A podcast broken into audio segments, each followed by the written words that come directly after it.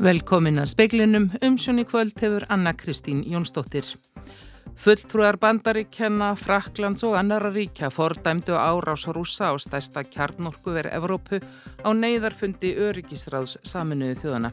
Sendi ráð bandaríkjana í kænugarði Saka rúsa um stríðsklæpi vegna árásarinnar. Allanshafsbandalæði ætlar ekki að verða við beðinu Úkrænustjórnar um loftferðabann yfir Úkrænu og það er rólegra yfir kænugarði núna en fyrstu dagastriðsins þrátt fyrir að bardagar hafi harnað annar staðar í landinu, segir Íslendingur sem býr þar í miðborginni. Oft er haft á orði að hlusta þurfi betur á það sem börn hafa að segja um mál sem snertaði. Í dag fekk á annað hundra barnatækifæri til að láta í sér heyra á barnaþingi. Öryggisráð saminuðu þjóðana kom saman til neyðarfundar klukkan hálf fimm til þess að ræða um stöðuna í Ukrænu. Bóðað var til fundarins eftir að rússar réðust á Saporísja kjarnorku verið fyrir dag. Rússar náðu þessu stærsta kjarnorku verið Evrópu á sitt valdi morgun.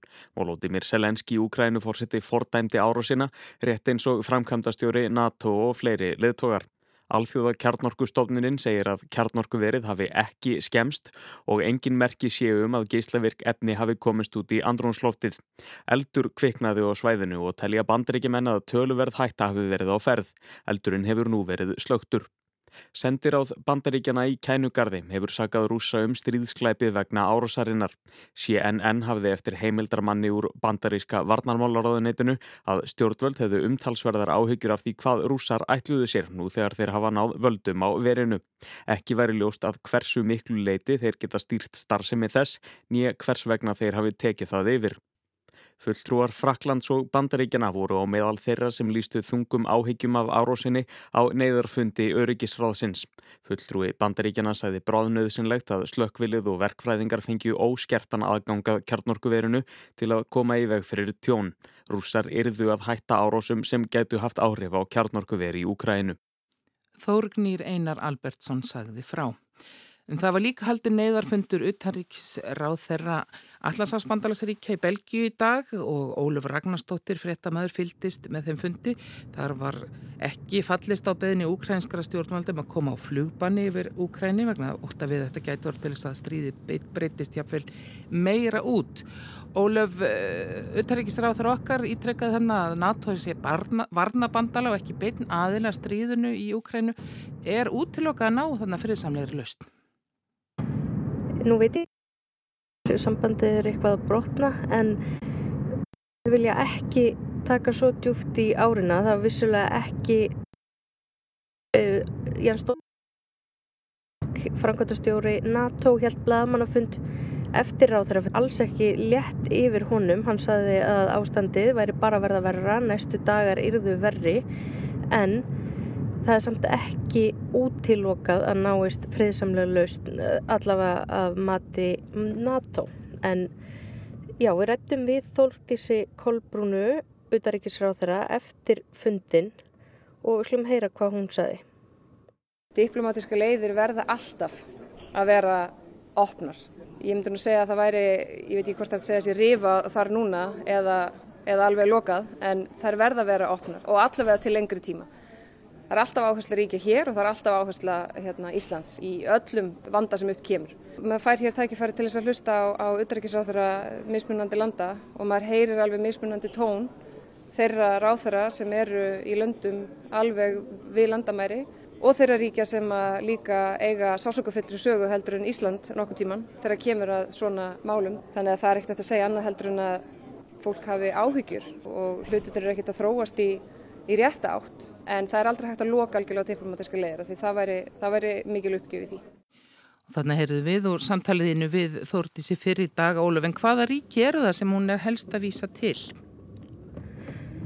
Já það eru kannski helst eistrasalts ríkin sem að uh, fólk sem að þar býr hefur já allavega hluti þeirra bara raunverulegar áhyggjur á því að, að þeirra ríki séu kannski bara næst í rauðinni en, en það náttúrulega já verður bara alltaf allt, þetta verður allt saman að koma í ljós. Þetta það, það, voru það eru þetta aðeins flóknara að taka ákvarðanir á vettvangi NATO en ef við varum að horfa á til dæmis Rúsland Þar uh, ræður Pútín svolítið ríkjum en Allandsafsbandalægið er bandalag 30 þjóða og þar fer ekkert í gegn nema allir séu fullkomlega sammála því. Þannig að það eru kannski mismöndi sjónamið vissulega innan ríkjana en það verður ekkert samþygt nema allir verði sammála. Þakkaði fyrir þetta Ólöf Ragnarstóttir sem er á ferðinni í Brussel. En Óskar Hallgrímsson, ljósmyndari sem býr í miðborg Kíef eða kænugar, segir að rólegra séu borginni núna en fyrstu dagastriðsins þrátt fyrir að bardagar hafi harnað annar staðar í landinu. Hann segir að hann og kona sín met til stöðun á hverjum degi en komist alltaf á sömuniðstöð. Það sé betra að vera áfram í borginni en að fara. Óskar fór í dag og tók myndir af fólki sem hefur skipað sér í varnalið í kænugari. Þær sveitir er að mestu skipaðar almennum borgunum og flestir eru þannig að það er fólk er þægt og með áhugjur en flestir eru með mikið svona baráttu vilja og hann eiks með hverjum deginu sem líður. Þannig að það er engin uppgjöf að læða stað fólki þrá fyrir að stríði halda það, áfram. Það mun ekki vera uppgjöf hér. Óskar segir að markmið sitt sé að það eitt að skrásetja lífið í borginni eftir innrás rúsa. Og það er einhvern veginn bara svo skrítið að vera vera hérna og upplifa þetta og sjá þetta gerast fyrir fram að nögunamanni og hérna veist, ég finn fyrir þjóðarstolti fyrir Úgrænu, eins fyrirlegt það er, en þú veist, ég finn það í alvörun, ég finn einhvern veginn hvað fólki hérna er, er, magnað, hvað er mag, magnu þjóð, hvernig það hafa tekið saman höndum bæði við það að verjast og síðan líka bara styrkja hvort annað. Sagði Óskar Hallgrímsson, Brynjálfur Þór Guðmundsson rætti við hann. Vladimir Putin, fórseti Rúslands, aðvarði í dag ríki sem hafa beitt Rúsland refsiaðgerum vegna innrásanar í Ukrænu. Að sögn sendiherra Rúslands á Íslandi verður refsiaðgerðunum svarð. Refsi aðgerðirnar þykjaðar mestu í setni tíð. Sendiherra Rúslands á Íslandi, Mikael Naskov, segir að stjórnvöldi í Rúslandi hafi verið undir það búin að aðgerðirnar yrðu harðar. Þannig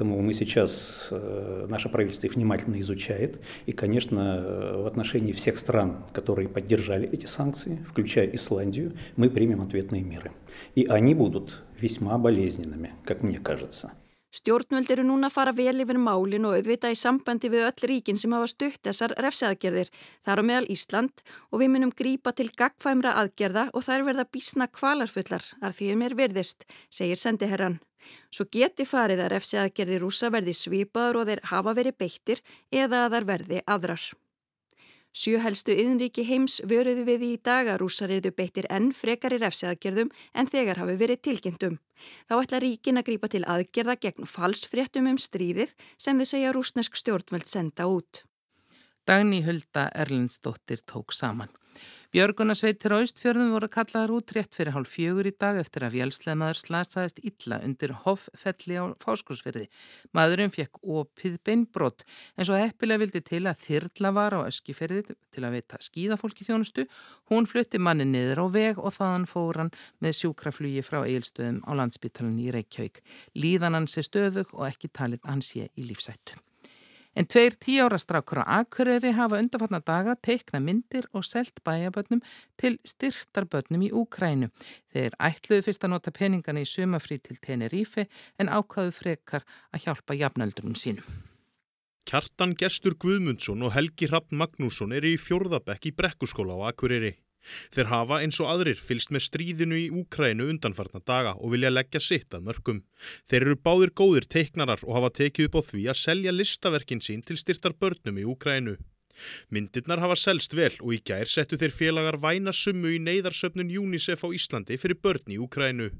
Við rættum við þá þegar þeir komu úr bankanum. Ég stakk upp á því að fara að selja þegar við vorum bara að leika og vorum að leita myndir og eitthvað. Og þá enna ætlum við sko að safna bara fyrir Tenerife eða eitthvað þannig. Já, við vildum bara hjálpa UNICEF og veikum krakkun því við erum góð hjartar og elskulegir. Hvað safnuðu þið miklu? 26.192 krónur. Hafið þið miklu ágjör af stríðinu í Ukrænu? Já, frekar. Ég á ekki til dæmis eða myndi brjótast út heimstriald. Sögðu þeir Kjartan Gestur Guðmundsson og Helgi Hrafn Magnússon.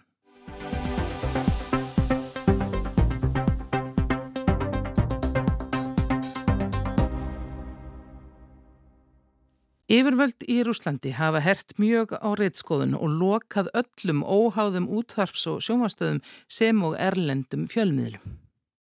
Samið nérfnadúsni ljúdi na dæsdíja, naši zrítili, tie ljúdi, kattori vsjö þetta vrím bíli s nami. Spasíba. Þetta var Ekaterína Kotrikatsi, frettathurru og dorst, síðustu óháðu sjómastöðin í Mosku í síðustu útsendingunni í gær. Hún þakkaði áhörfundum og samstagsfólki tríð við stöðina sem yfirvöld hafa svift starfsleifi og lokað. Og eins og heyra mátti brast hún ykkur á til lokin. Vladimir Putin fórseti og stjórn hans hefur tekið afar hart á öllum mótmælum gegn einrásinni. Þúsundi manna sem reynt hafa að mótmæla einrásinni hafa verið handteknar. Mótmæli hafa verið kæfið í fæðingu, ekkert andof leifist, lína Putins er hinn eina og sanna. Fjölmiðlar með ekki tala um innrás eða stríði í Úkrænu heldur heiti þetta sérstök hernaðaraðgerð. Fari fjölmiðlar ekki í einu og öllu eftir tólkunni viðvalda þurfa þau að gjalda fyrir. Það var Glæbur Dorst sem fekk þess vegna að kenna á því, sagði Ekaterina Kotvikatse.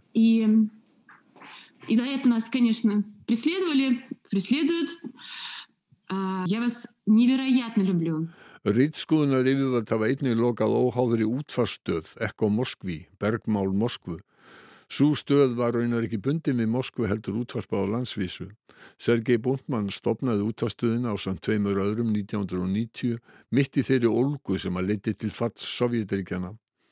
Hann hverst halda tryggði gildi í bladamennsku og ætið leita sannleikans. Bundmann segir að byrjað hafi verið að skerða fjölmeila frelsi í Rúslandi fyrir laungu síðan. Frelsið hefur verið takmarkað síðustu 10-12 árin. Которое длится очень давно, наступление свободы слова. Длится все последние, я бы сказал, 10-12 лет. Bundmann segir það skildu bladamann að segja frá fleiri en einni hlið mála. Hann hafi því hundsaði fyrirmæli yfirvalda um að kalla innrásina í Úkræinu sérstaka hernaðaraðgerð. Dúman neðri deildur rúsneska þingsins samþykti morgun lög sem herða enn á reytskoðun. Sá sem flyttu það sem að yfirvöld skilgreina sem falskar upplýsingar um hernaðaraðgerðir á yfir höfði sér 15 ára fangelsistóm. Lögin voru einnig samþykt í sambandsráði Rúslands. Valentína Matvienko, formaður ásins, sagði að þessi lög væri nöðsynleg, þau væri ströng en tímatni krefðist þeirra, í húfi væri öryggi þjóðarinnar og bræðra þjóða. Matvienko sagði og að Vesturlönd væri í upplýsingastríði við landsitt, stríði sem ætti ekki sinn líka í umfangi, árásagirni og hatri. Informatsónu vænu protiv našej strani. Vænu besprecedentnu po maštabam, po stepeni agressivnosti, po koncentraciji nenavisti. Í greinagerð saksóknara sem lág til grundvallar lókunar Dost og Ekko Moskvi sagði að stöðvarnar hefði byrt efni sem hvetti til öfgafullra aðgerða og líga fréttir um rúsneska herin í Úkræninu. Jafnframt því að loka rúsnesku miðlum hafa yfirvöld bannað vestræna fjölmiðla svo sem BBC og Deutsche Welle og lokað öllum dreifileiðum þeirra í Rúslandi. Þá hefur aðgangur að Facebook, Twitter og fleiri samfélagsmiðlum verið takmarkaður. Það greinilega allt reynd til að almenni rússar heyri aðeins eina rödd. Það er rödd Pútins sem segir rúsneska herin í sérstökum aðgerðum til að verjast þjóðarmorði á rússum í Donbass sem nazista fíklar sem fari með völdin í Úkrænu beri ábyrð á. Fjölmiðlafrelsi var ekki mikið fyrir og flestir miðlar hafa fyllt þeirri línu sem lögð hefur verið í Kreml. Þannig hefur rúsneska ríkisjónvarpið verið lítið annað en málpipa Pútins. Svo virðist sem yfirgnefandi meiri hluti rúsa, sérstaklega af eldri kynnslóðum, trúi málflutningi yfirvalda. Þannig saði Breska ríkisútvarpi BBC frá á vefseinum í dag Oleksandru, 25 ára konu sem býr í Karkív. Henni tekst ekki að fá móðu sína í Moskvu til þess að trúa því að Oleksandra sé hættu vegna sprengjárosa rúsneska hersins. BBC segir einnig frá Mikhailo, þekktum veitingamanni í kænugarði, sem segir svipaða sögu. Fadir hans býr í Nísni Novgorod í Rúslandi og trúir engu íllum rúsneska herin, hann sé í Úkræninu að frelsa landið frá nazistum. Þrátt fyrir þessi dæmi og mjög herta rittskoðun og banni við öllum mótmælum ber á andofi í Rúslandi. Frettir hafa borist að mótmælum gegn innrásinni víða í landinu og að ekki færi en 8.000 hafi verið handteknir í þessum mótmælum. AP fréttastofan segir að meira en miljón hafi skrifað undir net áskorunum að hætta hernaði í Úkrænu en á meðan aðeins eindrætt færi að heyrast í Rúslandi er ólíklegt að mótmælinn breyðist út. Natalia Sindejeva, eigandi og sjónvarstjóri Dost, sagði í síðustu útsendingunni að hún vonaði að einhver tíman fengi stöðin að senda út aftur, hvenar eða hvernig vissi hún ekki. Мы очень надеемся, что мы вернемся в эфир. Как, где, на каких платформах, мы пока не знаем, и как это все будет. И продолжим работу, потому что мы знаем, насколько она важна для наших зрителей, нашей аудитории. Og þarna heyrið síðast í Natalíu Sindejefu, Bói Ágússon tók saman.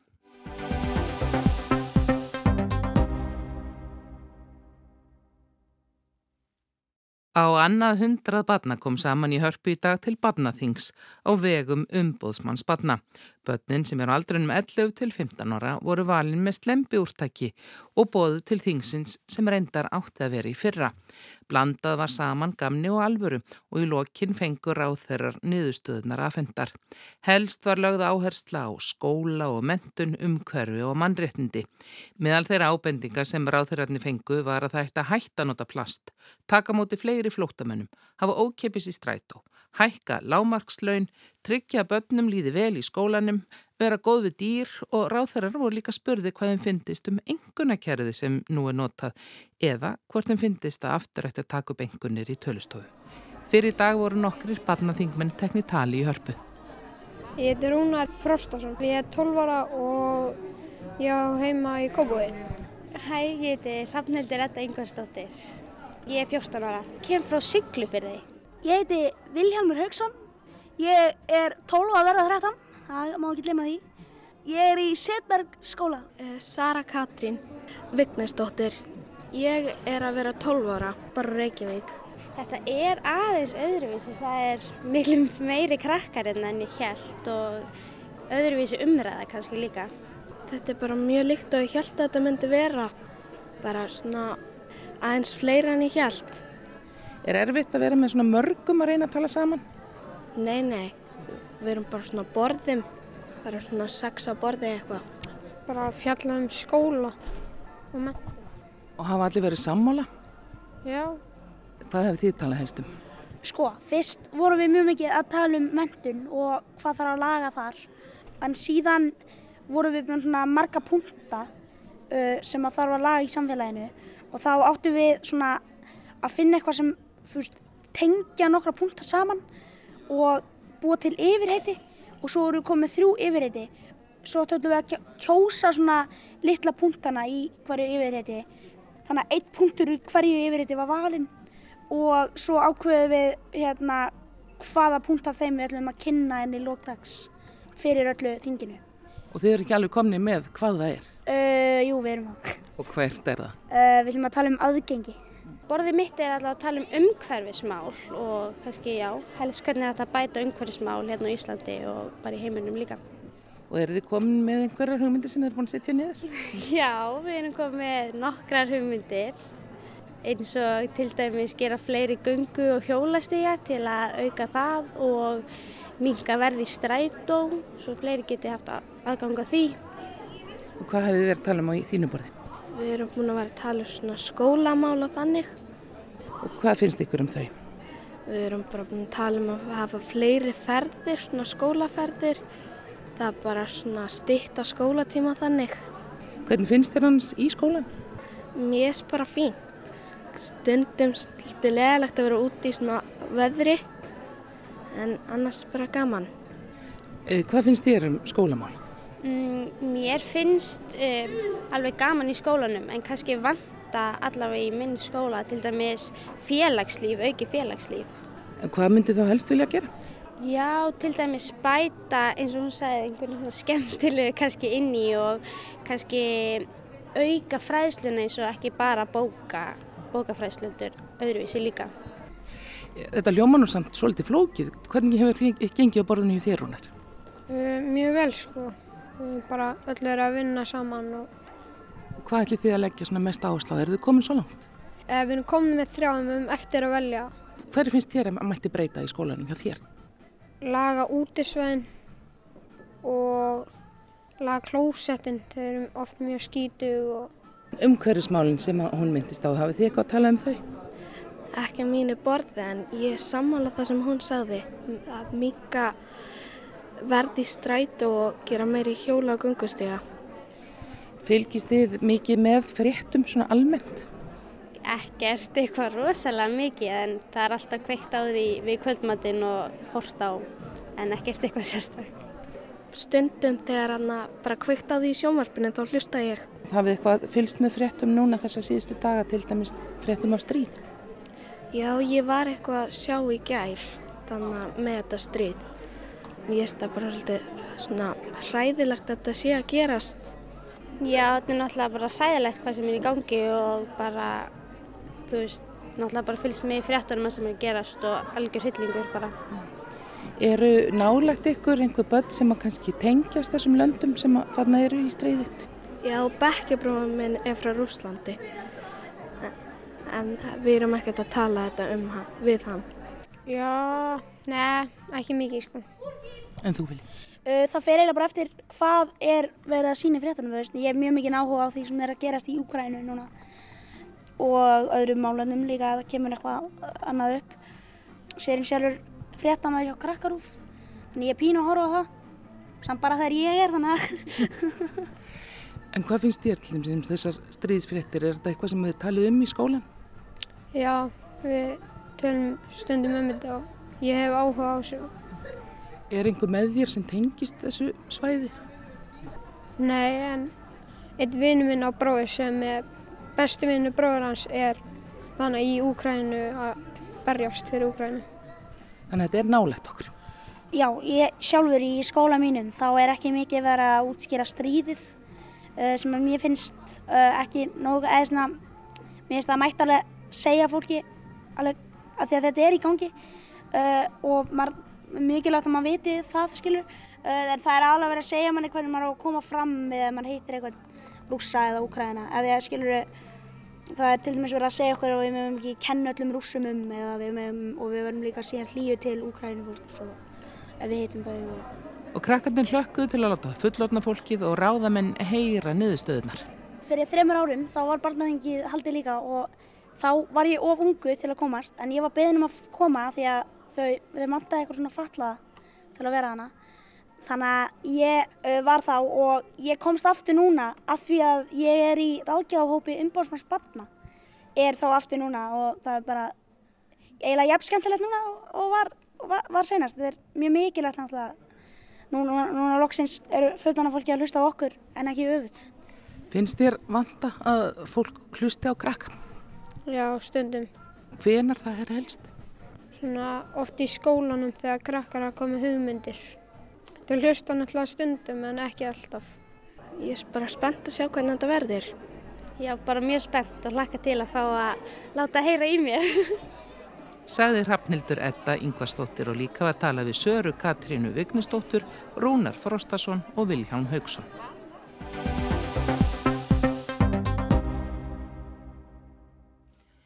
Helsti flokkur andstæðinga Allandsafsbandalagsins, NATO í Noregi, er að gugna á andstöðinni.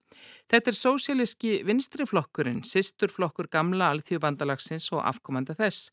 Núna um helgina á að ræða á landsfundi sósíaliska vinstriflokksins hvort að ég hætta andstöðinu við veru Noregs í NATO. Gísli Kristjánsson tekur við.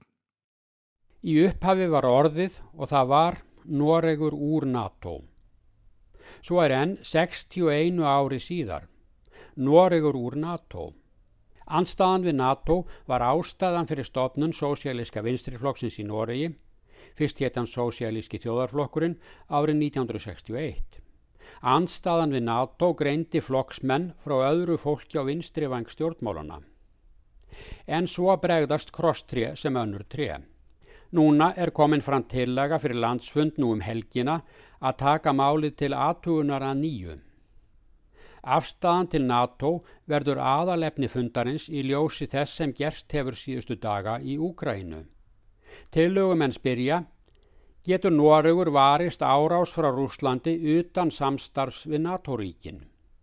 Sósialíski vinsturiflokkurinn hér í Noregi hefur í stefnu og störfum verið mjög líkur gamla alltíðubandalægin á Íslandi, þar á meðal í öryggis og varnarmálum. Raunar skiptir minnstu hver niðurstöðan verður nú um helgina. Fylgi við aðildina að NATO í Noregi hefur verið yfirgnæfandi allt frá upphafi og sósialíski vinstirflokkurinn aðeins komið fram sem hrópandin í eðimörkinni. Rökflokksins hafa verið að varnarsamstarf Norrætna ríkja væri næg trygging fyrir öryggi landsins að öðru leiti ætti Noregur að vera hlutlaus í deilum stórveldana. En nú á í fyrsta sinn að ræða sjálfan grundvöld flokksins, Noregur úr NATO eða Noregur í NATO. Raunar reknar engin með að sósialíski vinstilflokkunum breytist í NATO-flokk á einum fundi, en ef að semtir um andstöðuna við NATO eru farnar að grafa um sig. Þetta byrjaði núna á deilu um hvort norðmenn ætti að senda vopn til Úkrænu. Niðurstaðan varð, eftir svo lítið higg, að senda létt vopn, hjálma og skoteld vesti. Það var ákvörðun ríkistjórnar Jónasarkar störi. Sósialíski vinstirflokkurinn stiður ríkistjórnina og nokkrir framámenn í flokknum stuttu vopnarsendinguna. Aðrir voru á móti og flokkurinn klopnaði í afstöðunni til að stiðja Úkrænu menn með vopnum. Í framhald af því kemur tillaganum að ræða sjálfan kjarnamálsins í utarækistefnunni. Á flokkurinn að hætta anstöðunni við NATO og stiðja þær aðgerðir sem vestræn ríki beita Úkrænumönnum til stuðnings. Hér til lands hefur verkamannaflokkurinn, stóri bróðurinn á vinstrivagnum, verið eindregin NATO-flokkur Jens Stoltenberg, fyrir um formaðuflokksins og fyrir um forsættisráð þeirra, er framkvæmda stjóri NATO. Sú vinna kemur í beinu framhaldi af störfum hans fyrir flokkin heima. Flokksmenn eru jafnvel sagðir meiri NATO-sinnar en mestu NATO-sinnar á Íslandi. Ekkert nema aðildina NATO getur tryggt öryggi landsins. Þetta á sér tvær skýringar. Hlutleysi stefnan við upphaf síðari heimstyrjaldar beigð algjert skipbrot með innra á snasista 9. april 1940. Og í framhaldi af því framferði sovjetmanna í Östur-Európu strax eftir stríð. Valdarán sovjetmanna í Tekoslovakíu árið 1948 allir þegar strömmkvörfum í stefnu verkamannaflokksins. Fyrstu trú árin eftir stríð var rætt um varnarsamstarf Norrætna ríkja en ekki eftir það. En um þetta varð óeining og hluti flokksins klauf sig að lokum út, vildi halda í hugmyndina um hlutlaus Norðurland og um varnarsamstarf utan NATO. Núna eru komnar fram evasemtir í sósialíska vinstirflokknum um hvort hlutleysir nokkra smáríkja og varnir hefðu nokkuð að segja gegn rússum í árásarhug. Þar bætist auðvitað við að Eistrastalsríkin eru í NATO. Er ekki næra stiðja þau fremur en að horfa hlutlausir á. Þetta veldur anstæðingum NATO hugarangri og nú á að ræða kostinni í alvöru í fyrsta sinn í meirinn 60 ár. Og horfum þá til veðurs, veður horfur á landinu til miðnættis. Annað kvöld er að það er að hann gengur í all kvassa eða kvassa suð-austanátt á morgun með rigningu sunnan og vestanlands en heldur hægari og lengst af þurft á norðaustur og austurlandi og það hlínar í veðri. En veðurstofan hefur gefið út gula viðvörun á norðanverðu Snæfellsnesi síðdeis á morgun vegna suðaustan stormsins með rigning og hláku, axtur skilir geta þar orðið varasum og fólk er hvað til að huga niðurföllum. Það var helst í fréttum að þjóðarleðtóðarum heim allan fordæma árás rúsa á kjarnorkuver í Úkrænu í morgun. Allansáfsbandalagi ætlar ekki að verða við beðni Úkrænustjórnar um loftferðabann yfir landinu. Utanríkistar á þar Íslands er að tótnin sé misjafn í kollegum hennar í NATO nágrannaríki Rúslands hafi réttmætar áhyggjur af fyrirætlunum Rúslands forsetta. Það er rólegra yfir Kíef núna en fyrstu dagastriðsins trátt vera bardagar hafið hardnað annar staðar í landinu, segir sem, Íslendingur sem býr í miðborg Kíef. Sendi er að Rúslands á Íslandi segir að rússar hafi búist við hörðum refsiðagerðum og þeir eigi eftir að svara fyrir sig. Fleira er ekki í speklinum þessa vikuna, tæknimaður var Jón Þór Helgason verið sæl.